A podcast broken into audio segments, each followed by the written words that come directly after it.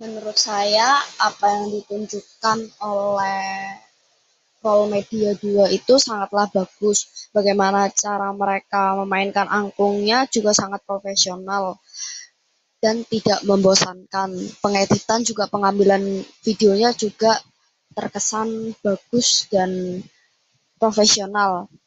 Saya tidak merasa bosan untuk menonton video tersebut dan saya rasa ini dapat membantu kita untuk melestarikan angklung yang ada di Indonesia karena mereka membuat sebuah project menggunakan lagu Indonesia dan juga alat musik tradisional.